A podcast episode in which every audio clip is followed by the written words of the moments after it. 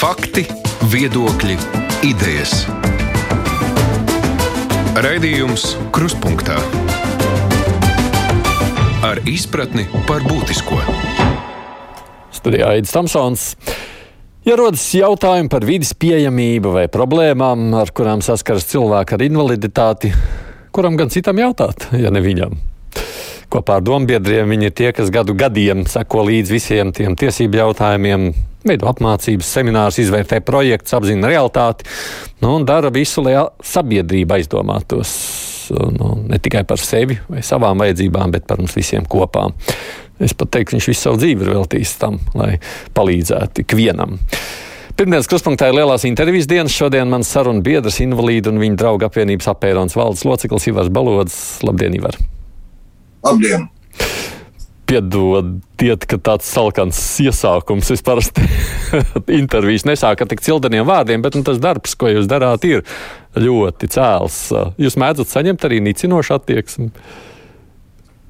Nu, jā, nu, zin, kā, nu, kur, kur, kur meža cēlā, tur skaidrs, lai droši vien tā var teikt. Un, un, iespējams, ka mēs neesam tāda uh, parasta cilvēka invaliditāte organizācija, kura, kura mēģina ikdienišķiem metodēm vai paņēmieniem kaut ko darīt. Varbūt mēs skatījām, skatāmies nedaudz savādāk uz problēmām.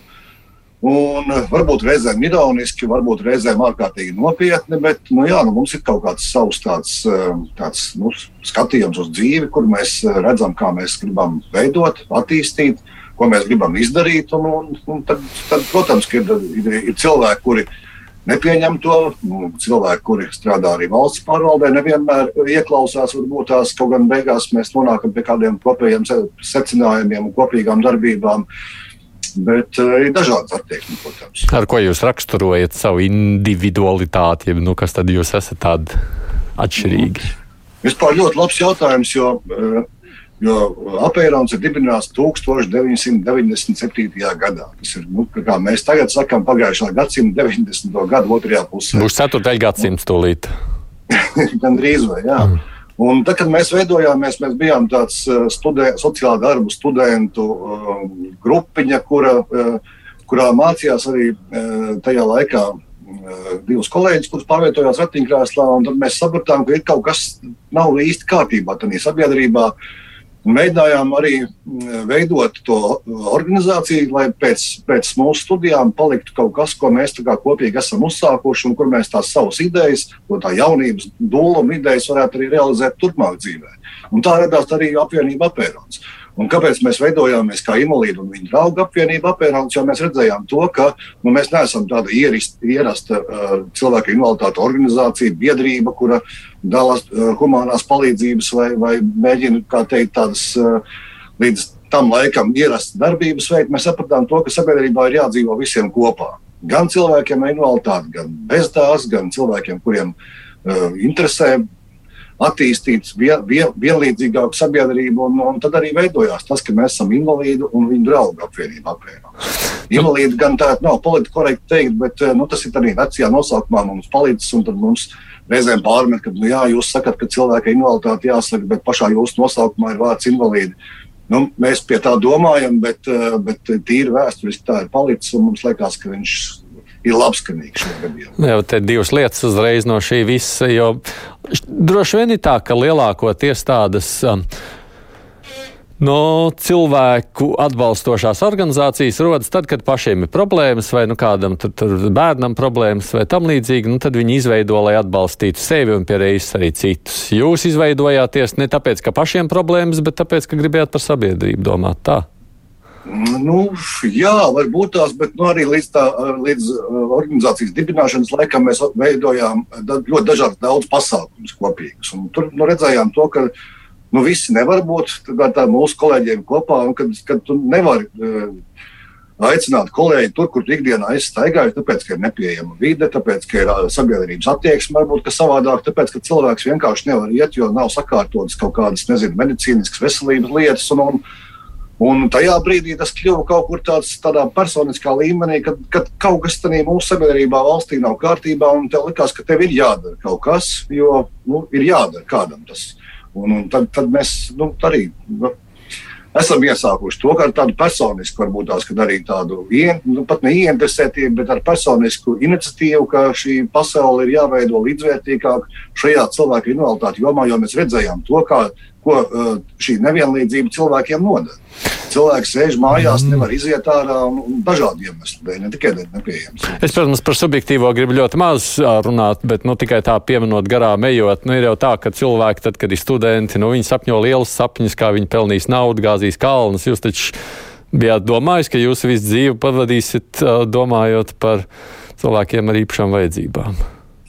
Nu, droši vien, ka nē, bet eh, nu, kaut, kā, kaut kāda sociālais darbs nav eh, tāds ļoti uz naudu tendēts un ļoti daudz nopelnīt nevar, bet ir ļoti daudz labas lietas, kuras tu vari paveikt sociālajā darbā. Un, laikam, sociālajā darbā cilvēki bieži vien strādā tādu misijas apziņā, tādu, ar tādu skatījumu, ka uh, tu vari atbalstīt, palīdzēt, un ja to var darīt arī caur tādu prizmu, kā mēs esam izvēlējušies, ar, ar kopā būšanas, ar, ar labu piemēru radīšanas, Man liekas, ta, ta, tas ir tas labākais, ko, ko, nu, ko mēs varam vienkārši kā cilvēki izdarīt. Iespēj... Veidot sabiedrību labāk. Iespējams, ka jums gandarījums ir lielāks nekā tiem, kas daudz nopelna. Tā nav.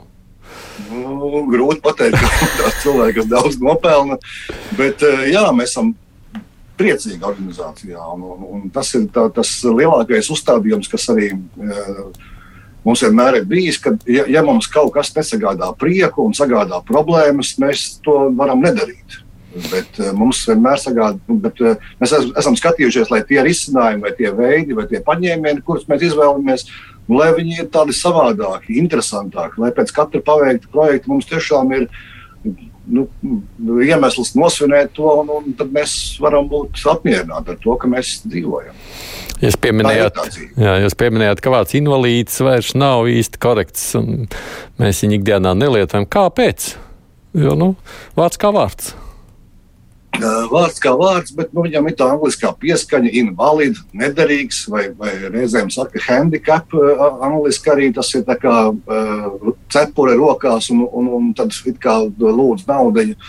Un, eh, nu, jā, ir bijuši daudz tie, tie, tie cilvēku invaliditātes attīstības posmi vai sabiedrības attīstības posmi, kurā ir dzīvojuši cilvēku invaliditāti. Un, un, un, un tad tas, tas pēdējais ir tas cilvēktiesību modelis vai, vai tā cilvēktiesība pieeja, kur katram cilvēkam ir savas tiesības, un, un tev nav. Eh, nu, tev nenorāda to, ka tu esi savādāk izskaties, vai tev savādāks veselības stāvoklis. Un tad tas politiski korektais teiciens, kā tagad saka, ir cilvēki ar invaliditāti, personas ar funkcionāliem traucējumiem, tās īpašās speciālās vajadzības droši vien, īpaši neuzsver, jo nu, patiesībā sakot, jau visiem vajadzības ir ārkārtīgi vienādas. Tikai tas, kā mēs viņus realizējam, kā mēs ar viņiem sajūtamies, un vai ir mums valsts atbalsts, lai mēs tās varētu realizēt, tas ir vienīgā atšķirība. Ja es prasītu, nu, kas tāds lielais mērķis ir tam, ko jūs gribētu, tā ir tieši tā iespēja, kad uh, visi, kuriem ir kāda invaliditāte, varētu justies līdzvērtīgi, vienlīdzīgi Latvijā? Nu, arī sarežģīts jautājums. Mums bija tāda ļoti laba, interesanta pieredze savā laikā, kad mēs braucām uz, uz Skandināviju dažādos apmaiņas braucienos, un tur mēs uh, skandināvu kolēģiem jautājām, jautājām nu, kas tad ir tā labklājība. Nu, viņi saka, ka labklājība ir tad, kad cilvēks ir laimīgs, priecīgs, apmierināts. Nu, tā ir labklājība. Un, un, uh, savukārt, bieži vien mēs labklājību, uh, vismaz Latvijā, uztveram kā dažādu programmu, pasākumu kopumu, ar kura palīdzību mēs paaugstinām sociālā funkcionēšanos, izmēram dažādiem parametriem, un tad, tad tas cilvēks kaut kur reizēm pazūd. Nu, mūsu galvenais mērķis droši vien ir tas, lai, lai cilvēki justos labi tajā sistēmā, mēs, kādu mēs kopā esam izveidojuši valstī. Lai viņam būtu iespēja izteikt savu viedokli, lai to viedokli dzirdētu, un uh, lai pieņemot lēmumus, vienmēr paturētu prātā to, ka ir dažādi cilvēki, uh, Un eh, arī invaliditātes ir dažādas. Un, lai padomātu par to, lai to, tos pakalpojumus, to valsti veidojot, vienmēr, eh, vienmēr cilvēkiem invaliditāte būtu sava vieta, kur, kur, kur tu vari normāli, labi dzīvot, justies laimīgs, priecīgs, apmierināts ar to, ka tu dzīvo Latvijā. Ļoti sarežģīts mērķis un tālāk. nu, labi, mēs jau mazliet viņu vēl paķidāsim šīs uh, nākošās minūšu laikā. Šis laiks sarunai ar jums mums pašiem šķita piemērots vairāk iemeslu dēļ. Tas viens no tiem ir akcija dod pieci, kas šajā gada nogalē arī būs veltīta vides pieejamībai cilvēkiem ar funkcionāliem traucējumiem. Vispirms tā kopumā skatoties, cik šādām akcijām vispār jūsuprāt ir liela nozīme? Oh, nu jā, mums jau, man liekas, ka Latvijā ļoti maz ir bijušas tādas, eh, nu, tādas, tādas pozitīvas akcijas par un ap cilvēku invaliditāti. Mēs nezinām, uh, Mēs īsti mēs jau esam pieraduši varbūt, sabiedrībā patreiz pie tā, kas ir cilvēks attīstīšanā, un var, varbūt vairāk neuzturam šos cilvēkus kā, kā kādus atsevišķus un ne, uz ielas neatskatāmies, varbūt tās, bet cilvēki, piemēram, ar intelektuālās attīstības traucējumiem, tā ir tāda neziņas pilna joma vai cilvēku grupa, kuru, kuru tu nezini, kas ir gaidāms un kas tur būs un, un, un, un ko no viņiem var sagaidīt. Nu jā, un tā vidas pieejamība skar visu veidu invaliditāti. Un, un šajā mūsu skatījumā, kur, kur mēs esam ārkārtīgi laimīgi un priecīgi par šo akciju, jo mēs jau esam sabiedrībā izauguši tik tālu, ka mēs to uh, vidas pieejamību vairāk neskatāmies caur invaliditātes prizmu, bet saprotam to, ka tā vidas pieejamība ir vajadzīga principā visai sabiedrībai. Un, ja mēs redzam to, ka ka, ka, ka jaunie vecāki izmanto pieejamu vidi, ka arī cilvēkiem senioru vecumā ir e, vidas pieejamība ir ārkārtīgi izšķiroša. Kaut vai iekāpjot transportā, kaut vai pārvarot kādas trepes vai, vai uzkāpjot piektajā stāvā, un, vai tas ir iespējams vai nav. Un tad saprotam, to, ka tā vidas pieejamība patiesībā attiecās uz 85% cilvēku. Un tas nav tikai uz cilvēkiem ar invaliditāti. Un, ja mēs šīs akcijas laikā varētu dabūt uh, to apziņu sabiedrībā, ka šī vidas pieejamība nav tikai uzbraukto pacēlājs vai lifts, bet tās ir ārkārtīgi daudz un dažādas lietas, kas attiecās uz vidi, uz pakalpojumiem, uz, projektu, uz produktiem. Un ka to vajag ne tikai ļoti šaurai cilvēku grupai, bet tiem risinājumiem ir jābūt tādiem, lai viņi būtu pēc iespējas plašāk izmantojami. Un es domāju, ka, ka, ka šīs akcijas laikā varbūt mēs tiešām sabiedrībā nu, pamainīsim šīs uh, šo, šo uzstādījumu, šo, šo skatījumu, varbūt uz šo vidas pieejamību. Un, Un tā, man liekas, ir ārkārtīgi svarīga lieta. Kā tad jūs raksturot, kāda ir šobrīd tā mūsu apziņa, ko mēs tā kā sabiedrība nu, domājam šajā sakarā?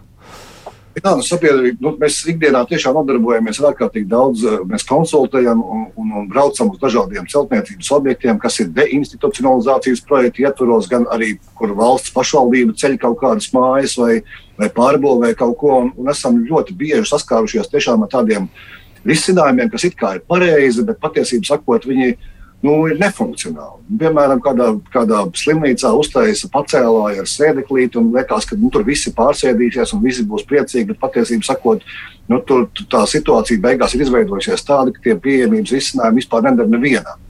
Un, un, un mēs regulāri sastopamies ar to, ka likums ir ievērots, bet tā funkcionalitāte, tā jēga nav.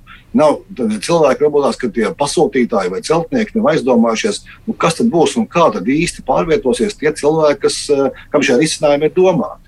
Un tā, tā, tā ir tā lieta, kur mēs, liekas, esam drusku iesprūduši.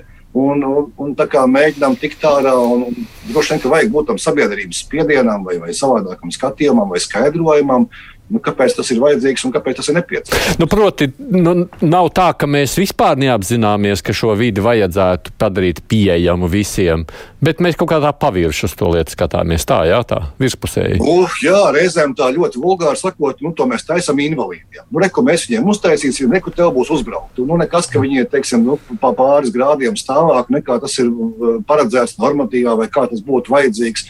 Un tad liekas, nu, kāpēc tur rekur viņi nenāk, rekur mēs esam izdevuši naudu, uztaisījuši kaut ko, bet patiesībā sakot, ir eh, kolosāls litkalniņš uztaisīts, pa kuru nevar ne normāls cilvēks noiet, ne, ne, ne, ne, ne cilvēks, kurš pārvietojās ratiņkrēslā, jo tas ir pa stāvu vienkārši. Un tur, nu, diemžēl tādi, tādi mums eh, tie, tie paņēmieni reizēm ir un tie, tie risinājumi. Tā, tā mēs... neaizdomāšanās, tā sabiedrības attieksme, kurai, nu, kuru vajadzētu kaut kādā veidā mainīt. Mums ir daudz tādu, nu, tādu it, kā, it kā ir, bet realitātē nav. Nu, vispār, jā, ja Labklājības ministrija ir veikusi pētījumu, un ja, ja pēc viņa pētījuma datiem tikai 8% no, no sabiedriskajām ēkām, no publiskajām ēkām ir pieejamas cilvēkiem ar invaliditāti tikai 8%. Tas ir ārkārtīgi, ārkārtīgi mazs skaits. Bet, eh, nu, lai galīgi bēdīgi nebūtu, tā situācija ar katru gadu ļoti, ļoti uzlabojās, un, un ļoti daudz ko mums dod arī eh, dažādas Eiropas Savienības regulas un normas, kuras ir jāievēro. Un, ja tu lieto Eiropas Savienības naudu un izmanto, tad it kā vajadzētu būt šīm normām ievērotām, bet nu, arī tur ik pa laikam parādās tādi nu, unikāli gadījumi. Un tad, tad, tad ir sarunas un, un diskusijas un, un mēģinājumi kaut kā, ko, ko mēs mēģinām dažādākiem paņēmieniem, varbūt tās ietekmēt, lai mainītu šo, šo vidas nepieejamu. Kuras institūcijas jūsuprāt vissekmīgāk šo lietu risina? Kuras patiešām domā ar galvu, ne tikai ar, nu, neteikšu tālāk?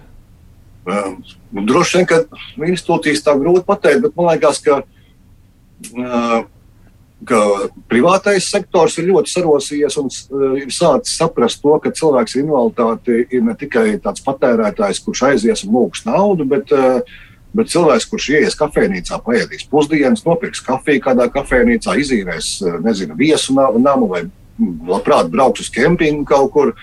Viņš var atļauties arī nopirkt dzīvokli, varbūt, ja, ja tas ir nepieciešams un viņam vajadzīgs. Un, un, Un, uh, un tie uh, ārzemju pētījumi rāda, ka, ka katrs uh, pakāpiens pie kādas iestādes, privātas iestādes, piemēram, samazina to peļņu uzņēmējiem par 15%. Mm.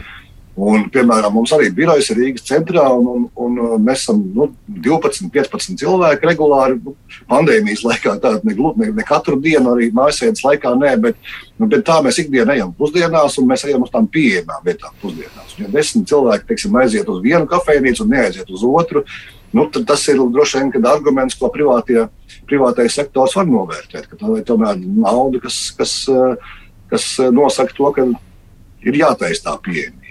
Kas nozīmē, ka tomēr tas materiālais stimuls strādā visvairāk. Uh, droši vien, ka jā, es domāju. Un, un, un, uh, nu, pašvaldībām, valsts iestādēm varbūt tas drusku savādāk ir. Jo nu, no, no vienas puses mums ir uh, likumā noteikts, ka ir jābūt šai pieejamībai arī valsts pašvaldību iestādēm.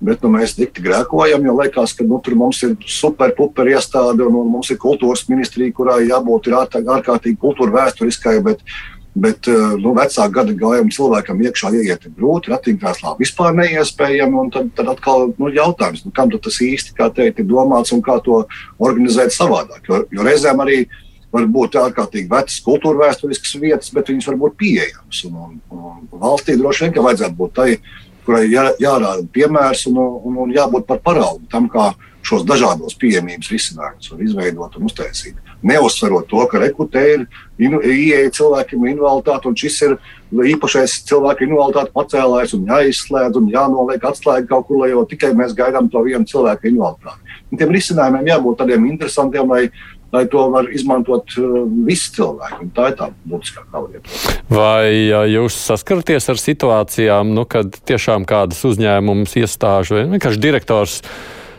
ierauguši, nu, jūs, piemēram, pieminēto nepareizo brāķi, un vienkārši Nikna saka, viss jāpārstrādā. Nu, tā nedrīkst, tā nedrīkst, viss taisam pa jaunu.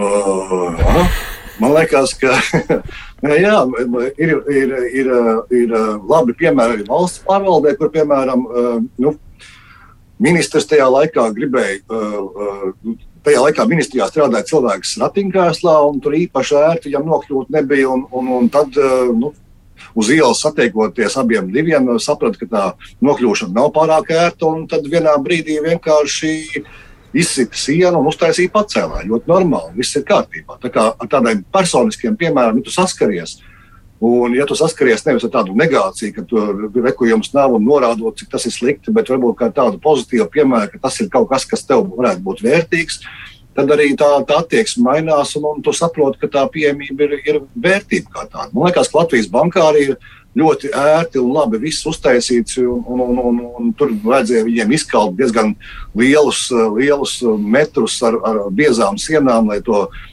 liftu uztaisītu tādu, kurā tu vari normāli iebraukt kurā var iebraukt tikai viens cilvēks iekšā, bet to izdarīja un viss ir kārtībā. Vai arī, piemēram, Rīgas birža, kas ir kultūra vēsturiska ēka, bet pilnībā pieejama, skaista, forša, eh, ērti izmantojama ikvienam cilvēkam. Tur atkal ir kaut kas, kas nu, lika padomāt, ka, ka tā, tas ir labi, ka tas nav tikai, uh, tikai īpašiem cilvēkiem, un, un, un, un cilvēka invaliditāte nedrīkst nākt. Varbūt tās un tie personiskie piemēri ļoti aizskata. Tāpēc mēs arī diezgan daudz uh, veidojam seminārus, mēs mēģinām varbūt organizēt kādas arī tādas kampaņas, akcijas kaut kādas, lai, lai parādītu cilvēku ar invaliditāti ne tikai kā tādus cilvēkus, kuriem ir jāziedo tikai nauda un, un viņi ir žēlojami un, un tikai pelnījuši sabiedrības līdzjūtību, bet, bet tādi, kuri aktīvi kaut ko dara, iesaistās. Man liekas, ka sportisti, piemēram, paralimpieši, ir baigi labais piemērs, kur, kur, kur, kur var redzēt tiešām, ka nu, neskatoties uz kaut kādām problēmām, pieejamībā, tu tik un tā esi atradis veidu, kā vari trenēties un sasniegt milzīgi labus rezultātus pasaules līmenī. Tas ir ļoti labi. Vajadzētu katrā, jā, vajadzētu katrā darba vietā kādu cilvēku ar funkcionāliem traucējumiem, tad viss būtu kārtībā.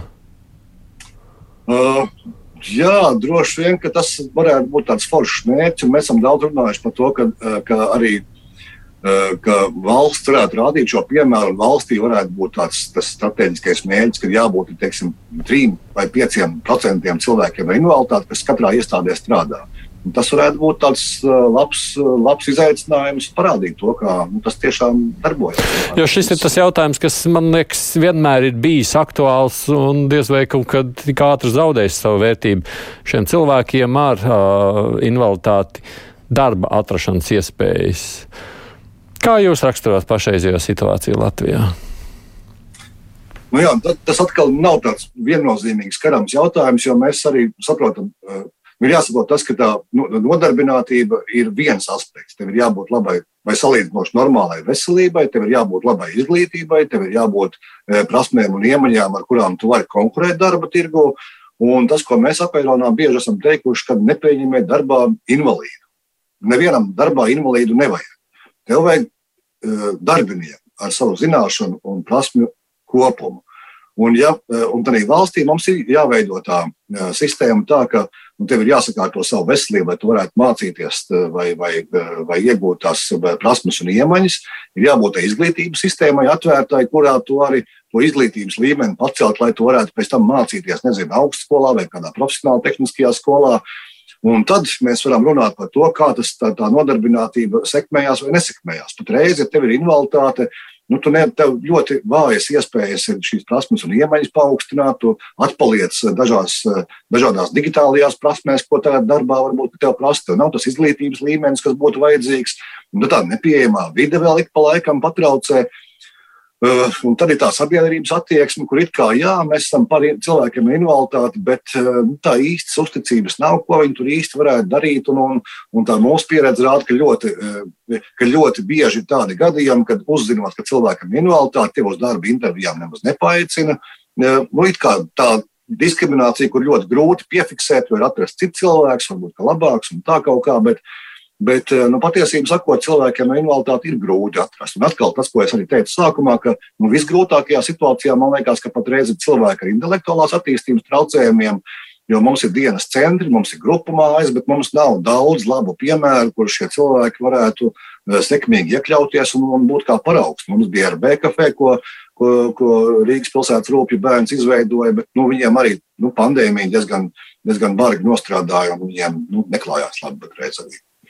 Jūs teicāt, ka tā iespēja iegūt izglītību, ja tās zināšanas ar invalīdiem ir grūtāk. Kāpēc? Nu, arī tā nepieejamā vide droši vien, ka vien, viens no apstākļiem ir, ir, ir nu, tā sabiedrības attieksme, ko mēs esam novērojuši. Ka, kad, ja tu, piemēram, mēs pirms pāris gadiem meklējām pārdaugavā skolu, kurā varētu mācīties meitene, kurai ir nu, normāls intelekts, viss ir kārtībā, tikai pārvietojās ratiņkrēslā un, un nu, nu, neatradām nevienu skolu, kura būtu gatava uh, šo bērnu uh, pieņemt savā, savā, savā uh, kā teikt, iestādē. Nu, un, un tas parāda to, ka nu, kaut, kā, nu, kaut kā mēs baidamies no kaut kādas grūtības, kaut kādas varētu būt, un tā nepieejamā vide, jo tur uzreiz jābūt tā, lai tu nokļūtu gan garderobē, gan, gan uz fiskultūras telpu, varbūt tās, gan aktu zālē, gan, gan uh, visur citur, kur, kā teikt, pārējie bērni iet, gan, gan toaletēm ir jābūt pieejamām. Nu, un reizēm liekas, tā pieejamība ir tik ļoti sarežģīta, ka labāk mums nevajag šo visu, un tad mēs, kā teikt, nu, mēs ar šādiem bērniem nestrādājam. Nu, nu, nu šajā gadījumā mums tiešām atrisinājās. Jā, jā, bet mums tiešām Latvijas skolas ir pra, tik nepiemērotas tādai, nu, šķiet pašsaprotamai lietai. Jā, ir nepieejamas, un Rīgā man liekas, ka arī nu, varbūt, kad reģionos varbūt, kad, nu, vairāk rekonstrukcijas bijušas vai, vai, vai, vai kādi remonta darbi, vai, vai tās skolas nav tik daudz, bet Rīgā ir daudz skolas, bet liela, liela daļa ir nepieejamas.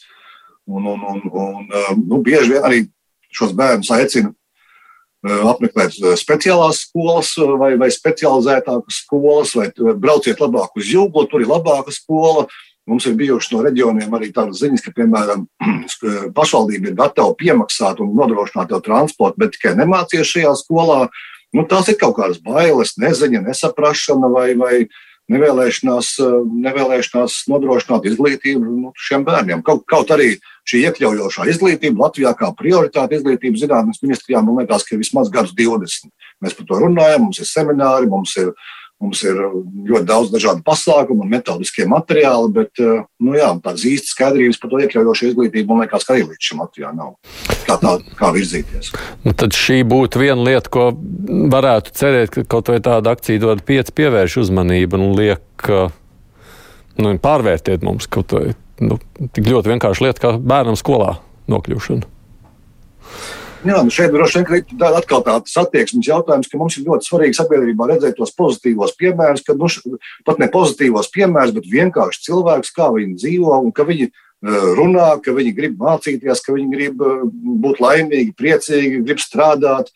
Un eh, ka, ka nav tas virsmērķis būt dienas centrā visu mūžu pavadīt, un vienīgā iespēja, ko tur izdarīt, ir. Bet, nu, mēs pamazām uz to ejam, bet nu, šāda šī akcija man liekas, ka varētu būt tas, nu, tāds skats pagrieziens, kur mēs tiešām cilvēkus ieraugam daudz savādākā veidā.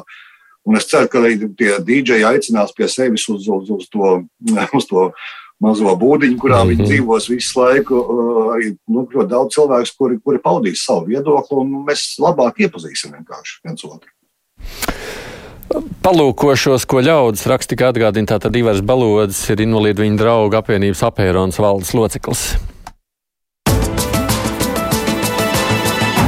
Raidījums Krustpunktā.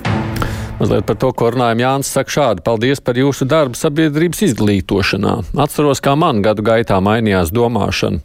Sākumā likās neizprotam, ka aicina neuzmākties ar palīdzību, bet pajautāt, vai var jums palīdzēt vai arī neuzskatīt invalīdus par darbam nederīgiem. Tagad man jau liekas pašsaprotam, ka visiem ir jādzīvo kopā vienam ar otru atbalstot. Nu, un jau vairāk šādi cilvēki nāks ārā sabiedrībā, būs redzami, nesēdēs četrās sienās, jo labāk būs visiem. Un tagad satiekot ikdienā dažādas cilvēkus, arī jaunā paudze taču var kļūt iecietīgāka. Tāds komentārs te no no klausītāja puses, bet te arī tāds nu, tā kā, ļoti konkrēts jautājums. Ja, Renāta prasa, ja apvienībai pateikt, ka, lai uzlabotu dzīvi cilvēkiem ar invaliditāti, valsts ir gatava atvēlēt nu, kaut kādu ļoti noteiktu naudas summu, kas jums šķiet ir tās lietas, kuras pirmās būtu nepieciešams uzlabot, mainīt? Nu, Protams, kā tad mums pietrūkst visvairāk? Jā, nu, ko, ko, ko darīt, ja būtu miljons? Jā, jā. Nu, tā, miljons, ne miljards. Tās... Miljards labāk, miljards uzreiz. Pēc miljonu man liekas, ka visas tās summas līdzīgas paliek kaut kur. Nu, jā, droši vien tā, tā galvenā lieta, man liekas, ka, kā ar ko vajadzētu sākt, nu, ir šī izglītības sistēma kā tāda. Jo, jo ja bērni mācīsies kopā, uh, Eh, vai, vai būs kopā vienā skolā. Ja nevienā klasē, tad ir atsevišķas klases, piemēram, nu, dažādi modeļi var būt. Un tas ir tas, eh, kādā veidā mēs to sapratni varam veidot un attīstīt. Un skaidrs, ka ļoti svarīgi ir tas, lai būtu šī, šī pieejamība varbūt nedaudz stingrāka nekā līdz šim, eh, atbildība lielāka, varbūt tās no valsts puses lielāka uzraudzība, jo, nu, lai nebūtu šie, šie it kā pieejamības risinājumi, bet lai tiešām šie risinājumi būtu tādi, ka, ja tu tērē naudu, tad iztērē tā, lai tas risinājums būtu eh, nu, no šī universālā dizaina puses, tāds, kurš tiešām ir izmantojams pēc iespējas vairāk. Un, ja mēs visi staigāsim pa vienu uzbraukto vai iesim pa vienām durvīm iekšā, dažādi cilvēki, tad mēs arī tur satiksimies. Mēs būsim arī īstenībā. Mums būs kur kopā aiziet. Un nebūs tā, ka cilvēkiem ir invaliditāte dienas centri, speciāli pasākumi un speciālas labdarības akcijas tikai pirms Ziemassvētkiem un, un, un Lieldienām, bet uh, mēs tik ikdienā mums būs iespēja satikties. Tas, man liekas, ir pats svarīgākais. Tas vēl viens iemesls, kāpēc arī šajā laikā ir vērts ar jums aprunāties, kā jau gadiem, nu jau tagad tā jau veidojās kā tradīcija. Man liekas, septītais gads kopā ar tiesību sargu tā balvu pasniegšanu organizācijām cilvēkiem, kas daudz dara, lai palīdzētu īpašām mēģi grupām. Kā jūs vērtējat, cik liela nozīme tieši tādam NVO sektoram, lai šo situāciju uzlabotu? Valstiskās organizācijas jau ir tās, kuras, kuras ļoti, ļoti cenšas un um, mēģina būt kopā tajos brīžos, kur, kur varbūt valsts un pašvaldība tik lielu atbalstu nespēja sniegt, vai, vai nav tie, šī atbalsta vispār kā tāda. Un, un, un nevalstiskās organizācijas laikam ir tādas vietas, kur cilvēki var nākt kopā, lai, lai realizētu kaut kādas savas reizēm utopiskas, bet uh, ārkārtīgi interesantas un dažādas idejas, lai, lai kaut ko veidotu, pārmainītu, uzlabotu un lai būtu, um, lai būtu šis, nu, šī valsts varbūt skaļāka. Mums bieži vien ir bijuši tādi gadījumi, ka mums cilvēki zvana un raksta, lai ir kāda problēma. Un, Un uh, tad lūdzu mūsu palīdzību. Mēs labprāt arī iesaistamies, jo tā mūsu interešu aizstāvība ir gan tādā valsts pašvaldību līmenī, gan arī ļoti individuālos gadījumos, kur mēs mēģinām, mēģinām palīdzēt atrisināt šos gadījumus. Un tad, ja uh, to raksta no nevalstiskas organizācijas, nevis viens pats cilvēks, nu, tad tam ir lielāks svars. Un, ja vēl raksta uh, uz kādu reģionu, nezinu, nu, kādu, kādu pilsētu ārpus Rīgas, un, un to raksta Rīgas organizācijā. Tad, tad uzreiz, kā teikt, varbūt tās pievērš tam lielāku uzmanību. Un, un bieži vien tās situācijas atrisinās, jo nu, varbūt kāds nav iedziļinājies, nav sapratis, un, un, un, un varbūt tā komunikācija nav izveidojusies pietiekoši labi. Jo, nu, Cilvēki invaliditāti bieži vien ir pieraduši, ka viņiem atsaka visur, ka, ka tu netiec iekšā, tu, tu, tu netiec saprasts, tev ne, nepasaka saprotamā veidā. Un tad, tad veidojās tādas savstarpējas dusmas, aizvainojumi, tad mēs arī reizēm kā vidutāji esam kaut kur nostrādājuši, varbūt tās kā aizbraukuši, izvērtējuši to situāciju, nosēdinājuši pie viena galda e, tās puses un mēģinājuši to lietu atrisināt. Pārsvarā jau atrisināt lietas, nav jau tādas neatrisināmas. Skatoties tā uz citām valstīm un lūkojoties, cik daudz Latvijā dara, ko dara valsts un ko dara nevalstiskās organizācijas, vai nu tā, tāda atbildības, tā sadarbības uh, veidi ir līdzīgi, kā tas ir cita vieta?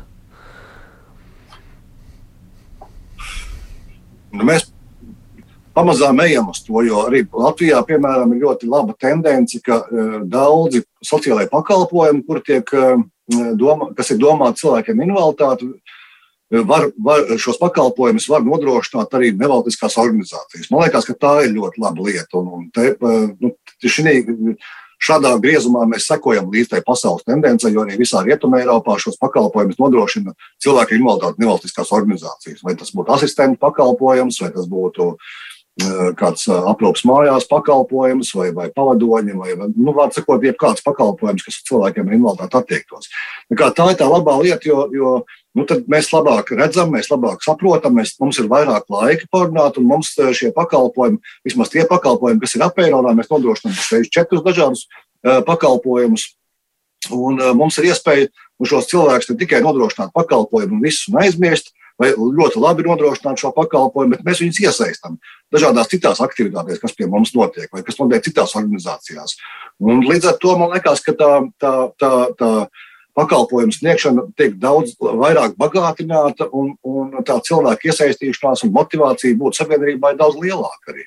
Un arī kvalitāte, protams, ka man liekas, ka ir labāka tām pakalpojumiem, ko sniedz nevalstiskās organizācijas. Nu, un savukārt tādu atsevišķu individu cilvēku, kas nu, paši nebūdami invalīdi ar invaliditāti, bet kas iesaistās Nu, mums Latvijā, viņi, protams, reizēm mēs viņus ieraugām, nu, viņi ir pamanīti, tāpēc, ka mums šķiet, ka viņiem tik daudz nav. Vai, vai tā subjektīvā sajūta man ir pareiza vai nē? Reizēm liekas, nu, tur, tur, tur tajos rietumos šķiet, viņi ir atsaucīgāki, labprātāk velti sevi tādām ne, brīvprātīgo darbam nekā pie mums. Nu, jā, tas brīvprātīgo darbs varbūt tiešām nav tā attīstījies Latvijā, kā, kā, kā Rietumē, Eiropā. Varbūt mēs neredzam, kā, kā sabiedrība, ka mēs varam doties uh, uz. Mēs, varbūt vairāk uh, šis brīvprātīgo darbs ir uh, dažādās dzīvnieku aizsardzības organizācijās, un mēs labprāt pastaigājamies ar sunīti kaut kur vai paņemam kaķīti. Un, un, un tas ir tā vienkāršāk, varbūt tās. Bet, Nu jā, būt ar cilvēku kopā, varbūt tās, tas nav tik vienkārši. Bet es zinu, ka arī nu, teiksim, palietīvās aprūpas biedrībā ir ārkārtīgi labas, eh, labas eh, iestrādes, kur, kur tu vari brīvprātīgi nākt un darboties. Un arī pie mums brīvprātīgie labprāt nāk. Un, un, un, un bieži vien arī viņi paliek tajos brīžos, kad tu esi tiešām to invaliditātes. Uh, invaliditātes to, to, to, to skatījumu varbūt nedaudz pamainījis. Pie mums nāk arī studenti, un, un, un nāk arī žurnālisti, un, un, un bieži vien atgriežas kā brīvprātīgie vai kāda firma vai uzņēmums. Jo viņi redz, ka mēs no sirds strādājam, un mums tas nav tā, ka tev noziedo un visu aizmirst, bet nu, tev ir tas, ka tu vari iesaistīties, tu vari pamainīt, un tās izmaiņas var redzēt. Un nevalstiskās organizācijās man liekas, ka tā ir tāda ļoti laba iezīme, ka tiešām tās e, norganizējot kaut kādu mazu, kaut vai nelielu pasākumu, redz izmaiņas. Un tas to gandarījumu sniedz. Un šajā gadījumā tiem brīvprātīgiem man liekas, ka ārkārtīgi svarīgi ir iegūt to ātrā gandarījumu, varbūt tās par to, ka tavs darbiņš ir bijis kādam noderīgs. Tas ir tas, ko organizācijas var piedāvāt, bet eh, nu, lēnām attīstās. Ir, ir, ir, ir labi piemēri un, pamazām, pamazām mēs uz to virzamies. Visi. Te ir jautājums no vispalža par asistentiem, kas notiek no 15. novembra. Varbūt es sākšu mazliet no tādas uh, tālākas skatu punkta, un mēs līdz šim jautājumam nonāksim. Ja runājam savukārt par visu šo pandēmiju un vakcinēšanos, uh, jums ir kaut kāda nezinu, statistika vai uh, nojausma, cik šī pār vai pret vakcinēšanās dilemma ietekmē arī cilvēks ar invaliditāti? Tīri, tīri, tīri katram cilvēkam neapšaubām ir, ir eh, vismaz tie cilvēki, kas ir mūsu redzeslokā. Nu, ir tās bažas par to, vai tas nepasliktinās tavu veselības stāvokli. Un diezgan daudz cilvēku ir tādā nogaidošā pozīcijā, kur nav pret vai nav par, bet nu, tomēr gaida, kā, vai būs kādi labāki rezultāti. Bet eh, nu, vēl pagaidām nogaida šo situāciju un, un mēģina saprast, kāda, kas, kas, kā, nu, kādi tie pētījumi būs. Vai, vai tiešām tur trombi veidojās, vai, vai ir kaut kādas blaknes, vai valsts paredz kaut kādu atbalstu tajos brīžos, kad šīs blaknes parādās. Jo nu, tā invaliditāte, protams, ir saistīta ar nu, tādu savādāku veselības stāvokli, un, un tas ir jāņem vērā, man liekas. Un šeit droši vien, viens no mēdījiem ir tas, ka, tie, ka valstī vajadzētu paredzēt to, ka, ja tu iedrošinies un, un, un tomēr vakcinējies, tad, tad tev tomēr tādam atbalstam vajadzētu būt tajos brīžos, ja tev, ja tev veselība paliek sliktāk, piemēram, jo tās veselības izmaksas ir ārkārtīgi dārgas. Un otra lieta, protams, ir tā, ka e, šī pakalpojuma sniegšana tieši par asistentiem, par aprūpi mājās e, bērniem, arī pieaugušiem cilvēkiem, nu, tā ir problēma, kas patreiz ir ļoti, ļoti, ļoti e, aktuāla, jo, jo nu, arī ja asistents ir, ir, ir eh, tāds, kurš ir izvēlējies nepotēties, kuram nav vajadzīga šī vakcīna, nu, tad to pakalpojumu principā tu vairāk saņemt nevari. Un sevišķi svarīgi tas man liekas, ka tiem eh, tajās ģimenēs, kur ir bērni ar invaliditāti, tāda smagāka invaliditāte, kur tā saite ir izveidojusies ar, ar to auklīti, ar aprūpētāju, ar, ar to pavadoni, kas ir uz vietas. Un eh, tā saite bieži vien veidojās nevis vienu vai divu dienu laikā, bet tā ir gadiem izstrādāta un bērns ir pieradis Ja viņam, piemēram, ir autisms, ļoti grūti varbūt tās, pieņemt citu cilvēku uzreiz un pēkšņi, un tad, tā, nu, tad, tad, tad, tad, protams, ir tas jautājums, nu, ko darīt. Tad tev ir jāatsakās no šīs, šī pakalpojuma, no šīs auklītes vai, vai, vai šī aprūpētāja un jāmeklē cits kaut kas, kas nemaz tik viegli nav. Tas ir ļoti sarežģīti, jo mums valstī nu nav apmācītu ap, asistentu vai apmācītu auklīšu, varbūt tās tik ļoti daudz, kā tas būtu nepieciešams. Un, un tas ir izaicinājums, kas ir ģimenēm arī pašiem cilvēkiem jārisina kaut kādā veidā un ļoti, ļoti izsaka no komforta zonas, pie kuras tu esi pieredzējis. Tā ir problēma. Ja mm -hmm, bet kaut kādu padomu vienai, otrai, trešai pusē, sākot ar valsti, beidzot ar ģimeni, jūs varat dot? Nu, tas, ko mēs, mēs nodrošinām arī ap, aprūpu mājās pakalpojumu ģimenēs, kurās ir bērni, bērni ar invaliditāti, mēs arī aicinām un runājam par to, ka šī vakcinēšanās, lai gan ir brīvprātīga, tomēr nu, šajā gadījumā ir ārkārtīgi nepieciešama, ja mēs gribam sniegt pakalpojumu vai saņemt pakalpojumu no valsts. Un, nu, jā, nu, ir, ir, ir veiksmīgāk un netik veiksmīgi gadījumi, bet nu, droši vien, ka citas izējas jau nav mums valstī kopumā kā, kā tomēr ievērot šo vakcinēšanos, kas ir viens normāls risinājums, lai izbēgtu no šīs pandēmijas, kā tādas, lai mēs varētu atsākt dzīvot. Ir tā, ko. Nu, te mēģina viena daļa no sabiedrības proponēt, sakot, nu, lūk, mēs gribam, lai tad mēs savējo veco cilvēku, kur aprūpējam, nevakcinējam, un lai mūs aprūpē kāds, kurš nevakcinējas. Tiešām tāda gadījuma arī parādās jūsu lokā. Es domāju, cik šis ir uzpūsts kā problēma un cik šī ir patiešām realitāte. Mm. Nu, nav uzpūsta, un tiešām ir ļoti, ļoti daudz cilvēku tādu, no, no asistentu vidus, kuri nevakcinējās, kur līdz šim šo pakalpojumu ir snieguši. Un, un, un, Un, un, un viss, un mēs esam tur, kur mēs esam, un uz priekšu netiekam. Jo, jo vienkārši nu, neviena no pusēm negrib, negrib piekāpties. Bet, bet nu, ir gadījumi, kad, kad, kad izdodas tomēr pārunāt šos jautājumus. Un, un, un, un, un, un, varbūt tā ir tā nesaprašana, nesadzirdēšana. Tas, ko nu, tādās klasiskā uh, valdības problēma jau ir tā, ka mēs vienkārši tādā vienkāršā, saprotamā valodā neesam izstāstījuši, kas, tā, kas, tā, kas tas vīrus ir, ko viņš nozīmē un kas ir tā vakcīna. Un, un, un mēs runājam par, par, par, par nezinu, ļoti sarežģītā valodā, un kad Uga Dumpis stāsta par, par, par, par situāciju, tad, tad jau šausmas un, un drebuļi skrien pār kauliem, tas viss ir briesmīgi un kādi tie cipari ir. Bet uh, tādā vienkāršā valodā izstāstīt, ka tas ir tas uh, nu, varbūt vīrusu ārkārtīgi mazā daļā, kur tu ielaiž iekšā un organisms pierod. Un, un droši vien, ka tur tiem speciālistiem citi vārdi jāatrod un jāizmanto tā nu, vieglā valoda, ko, ko, ko parasti saka, vieglajā valodā. Jārunā. Savukārt, Liberta kungs šajā kontekstā piemin citu aspektu, sakot tā, vai šī pandēmijas situācija arī nav risinājums invalīdiem ar kustību traucējumiem, jo cilvēks strādā tālināti, tātad cilvēks var strādāt no mājām, izglītības sistēmā nu, ar lūk attālināts mācības, var mācīties no mājām. Tādā ziņā sakot, ka varbūt šī ir iespēja šiem cilvēkiem tāda lielāka apritē nokļūt nekā iepriekš. Mm. Mēs savā laikā arī bijām aizbraukuši uz Skandināviju, kur bijām ideālajā mājā. Skandināvu kolēģi bija uztaisījuši ideālo māju. Un ideālā māja bija tāda, nu, viņiem bija projekts, kurā viņi to visu bija izdomājuši un tādu no, modeli uztaisījuši. Tu guli gultā, tu, tev ir čet, kādas 14 pultis apkārt, un tu attaisi logu vaļā, tu attaisi durvis vaļā, tev attaisās aizskari, tu izsauc pīci, tu strādā mājās, no gultas neizkāpjot. Vienkārši mēs tā, tā, tā arī tā šausmās skatījāmies uz to visu, kur tad paliek tā, tā integrācija, kur tad paliek tā sabiedrība kopā. Nu, nav tā, ka cilvēki ar kustību traucējumiem gribētu būt tikai un vienīgi mājās. Mums ir kolēģis, kurš arī dod pieci liels aktīvists ir Valdemārs, kurš ikdienā ir par savu mērķi uzstādījis vienkārši doties ielās, lai, lai sabiedrība redzētu, ka ir dažādi cilvēki. Tas man liekas, ka tas ļoti svarīgi. Lai to nebūtu tā, ka in, cilvēka invaliditāte ir, viņi kaut kur pazemēs, rūpnīcās attālināti strādā, un mēs esam tā veselā sabiedrība, kur mēs tad izējām ielās un esam šeit. Nu, nē, nu, tu nevari tikai. Varbūt tas ir viens no veidiem, ko var piedāvāt bet uh, cilvēki nelabprāt mājās strādā. Man liekas, ka tas ir briesmīgi.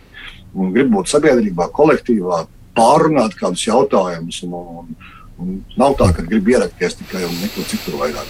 Nu, no otras puses, varbūt vēl otrs aspekts ir tāds, redzēs jau, ko 15. novembris nesīs. Nu, ne uzreiz, bet nu, līdz gada beigām, tuvāko trīs mēnešu laikā darba tirgu. Nu, kaut kāda kustība tur būs. Viena daļa jau iesniedz atlūgumus, viena tur tiks atstādināta, un viņiem būs pēc kādiem mēnešiem vienalga jāatstāj darbs, ja viņi nemainīs tur savu nostāju. Kas liek domāt, ka varbūt atbrīvosies jaunas darba vietas, un cilvēkiem ar invaliditāti būs iespēja tikt pie labākām darba vietām.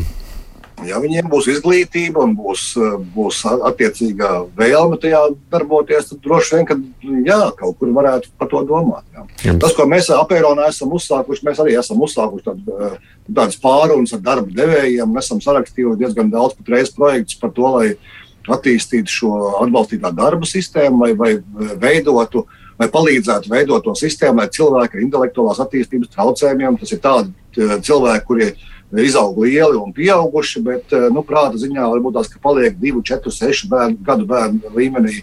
Un, uh, lai šiem cilvēkiem radītu jaunas iespējas, jo man liekas, ka tiešām cilvēkiem ratiņkrēslā patreiz tās iespējas atrast darbu nu, ir vairāk, varbūt tās nekā bija kādu laiku atpakaļ. Uh, Un, un tad, tad lielāka uzmanība, vismaz viena no prioritātēm, ko mēs esam izvirzījuši šogad, ir šī, šī atbalstītā darba meklēšana, šo darba audzinātāju atrašana, tās, un, un, un lielo uzņēmumu uzrunāšana par to, lai nu, šiem cilvēkiem uh, veidotu uh, vai, vai lai šie cilvēki varētu iekļauties arī lielos uzņēmumos un darīt kaut kādus noteiktus darbus, darba apjomus, lai, lai arī varētu nopelnīt, strādāt un, un, un, un nest tādu pienesumu.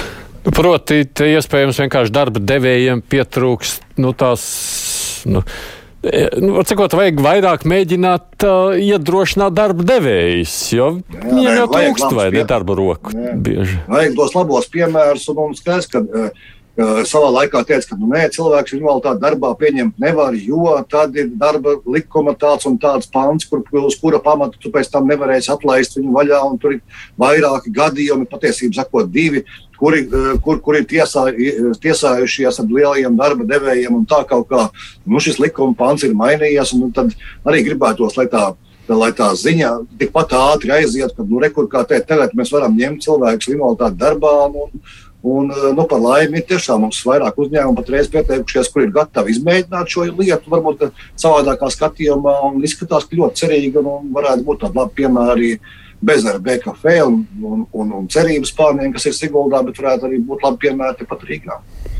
Tie ir gandrīz vai tikai tāds jautājums, un jūs arī palīdzat cilvēkiem tādos praktiskos jautājumos, jo, pieņemsim, man vakar vakarā bija saruna ar vienu cilvēku, kuram tur tagad tieši ir problēma, viņš nevar saņemt pensiju, jo tur nesaprašanās starp valsts sociālo apdrošināšanas aģentūru un darbs inspekcijā, to, to nu, DEAK. Un kamēr viņi tur savstarpēji risina viens trīs mēnešu dienas atbildot, trīs dienas, tikmēr cilvēks dzīvo bez pensijas un nevar saprast, kā tālāk izdzīvot. Jūs kaut kādās tādos gadījumos arī nākat ļaudīm palīgā, kad viņi meklē kur? Jā, nu, nu, nu ir tā, ka mums ir uh, attīstījusies tāda sociālā mentora kustība. Uh, tie sociālai mentori, cilvēki ar invaliditāti, kuri ir, gati, kuri ir izgājuši kaut kādām līdzīgām situācijām cauri un ir gatavi padalīties ar savu pieredzi, izstāstīt, uh, kas kā būtu labāk, kā viņi ir darījuši, uh, kā nevajag, nevajag darīt un kā ir, uh, kāds tas pareizākais ceļš. Tā ir viena lieta, kā mēs, kā mēs varam palīdzēt. Mums ir jauna, laba mājaslapa, asistenti.lv ar šiem mentoriem, kuri ne tikai par asistentiem, bet arī visi iespējamā atbalsta veidi, valsts un pašvaldību atbalsta veidi minēti. Un, jā, reizēm šādos gadījumos eh, mēs arī iesaistamies kā organizācija un rakstām vēstules, nu, nezinu, uz DEAku, piemēram, un prasām skaidrot, kas tur īsti notiekās, kāpēc šis jautājums varbūt nav, nav skatīts. Eh, viens no pēdējiem jautājumiem mums, piemēram, bija arī no Nīderlandes, kur vienu meitene ir aizbraukusi dzīvot, un, un, un tad viņai tur nesaprašanas par to, viņa nevar piekļūt pie, pie, pie, kāda, pie kāda ierēģiņa apdrošināšanas aģentūrā, un tad, tad mēs mēģinām savest kopā un, un to jautājumu no šejienes parisināt ikdiena tā mums ir. Tiešām ar to mēs nodarbojamies. Nu, tad, es saprotu, tā arī tāda lieta, ko jūs mēdzat darīt. Protams, Dīna te raksta šādu, vai aparons ar apsekot aizkrauklas policijas iecirkni. Nu, tur ir tāda vidas pieejamība, ka paši darbinieki var kaklu nolauzt uz galvenās ieejas kāpnēm. Nu, Protams, jūs tur aicināt tiešām braukt un skatīties uz konkrētām institūcijām. Jā, mēs ļoti daudz braucam apkārt un, un, un sniedzam arī atzinumus par to, vai viena vai otra iestāde ir pieejama. Uh, reizēm ir labi piemēri, kur pati institūcija nevis uh, tā, ka viņi būvē, pārbūvē, vai ir kāds ziepes savārīts un kāds, kāda, kāda, kāda, kāda sūdzība uzrakstīta, bet paši mūs aicina un mēģina atrast kādu labāku risinājumu. Un, nu, jā, tas ir arī tas, ko mēs darām labprāt. Un, un tas mūsu uzstādījums ir tāds, ka, skaidrs, ka mums ir tā padomju laika mantojuma ēkas vai vecās ēkas, kuras ļoti grūti pārveidot. Un, un tad ir kaut kādas atkāpes, kuras mēs skatāmies, kuras ir pieļaujamas un kuras eh, nav pieļaujamas. Pats galvenais tas ir mūsu jautājums, lai būtu nodrošināta šī funkcionalitāte, lai cilvēks pats patstāvīgi, neatkarīgi varētu iekļūt iekšā, saņemt pakalpojumus.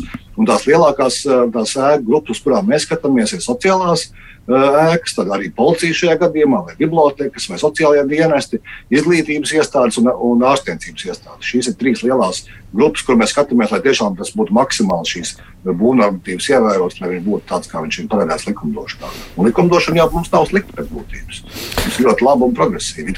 Mm. Nu, mums jau gan liekas, ka tā otra problēma, par ko jau arī radio bija pirms kāda brīža, jau lielāks tāds. Uh, nu, ieraksts par cilvēkiem, kas dzīvojamām mājām, ja spēja jau izkļūt ārā. Viena lieta ir kaut kur iekļūt iekšā, bet viņš jau no dzīvokļa netiek ārā. Nu, ir jau skaidrs, ka arī visas tās daudz dzīvokļu padomju mājas nepārbūvēs. Nu, tādas, kādas viņas ir, tādas ir. Vajadzētu pašvaldībai vairāk domāt par, nu, par kaut kādu starpnieku, kādā brīdī tikt cilvēkiem pie dzīvokļa, kurā viņš var izkļūt ārā. Uh, droši vien, ka var domāt par to, ja, ja tiek celtas un būvētas jaunas mājas, tad vismaz pirmā stāva līmenī vajadzētu būt šai pieejamībai nodrošinātai, un to it kā likums paredz, bet nevienmēr tas tiek ievērots.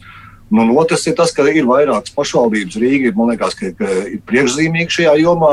Ir atsevišķs pakalpojums, kur tu, ja tev, ja tev, ja tev ir invaliditāte, tu vari pieteikties uz dzīvokļu pārbūves, pabalstu, atbalstu. Un tā skaitā tu arī vari pretendēt uz tādu naudu, kur, par kuru tu vari uh, iegādāties pacēlāju, lai, lai, lai uztaisītu šo pacēlāju, lai tu tiktu ārā no tādām sarežģītām padomu laika uh, dzīvojamām ēkām pirmā stāva līmenī. Mm -hmm. Tā kā, nu, teiksim, tādi labi piemēri ir. Ne visās pašvaldībās ir ārkārtīgi nu, dažāds šis, šo pašvaldību uh, arī atbalsta veids, ka, tajās, kur, kur tas tiek nodrošināts. Bet uh, nu, tieši arī tāpēc man liekas, ka dod pieci ir ļoti labs uh, nu, tāds, tā, tā, tā akcija, kur mēs uh, tiešām vāksim naudu, lai tajos gadījumos, ja valsts pašvaldība nepalīdz, nu, tad, tad valsts tā palīgā un, un tad, tad nodrošina to iespēju iziet no savu dzīvokļa ārā, kas man liekas, ir pašsaprotama. Mm. Vēl par darba lietām te Agnēs saka, ka varbūt ka vajadzētu vienopus publicēt tos uzņēmumus, biedrības, kas nodarbina šādus cilvēkus. Es arī gribētu strādāt, nezinu, kur pieteikties. No, no, nodarbinātības valsts aģentūra saka, interesējieties paši. Nu, ne jau visur pieņem pat veselas cilvēkus. Tā Agnēs saka.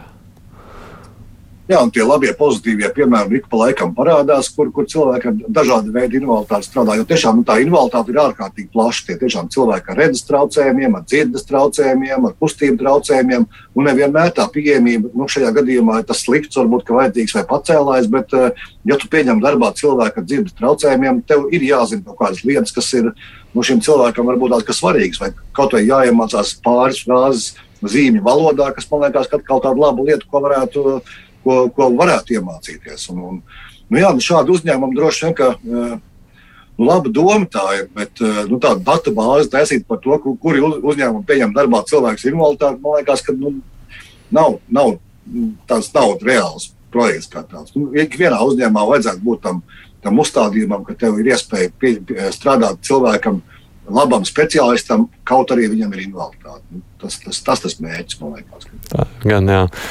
Ināra Bita saka tā, paldies par interviju. Līdz šim apērona darbība ir maz atspoguļoti, tīpaši paši Ivar Valoža ieguldījums.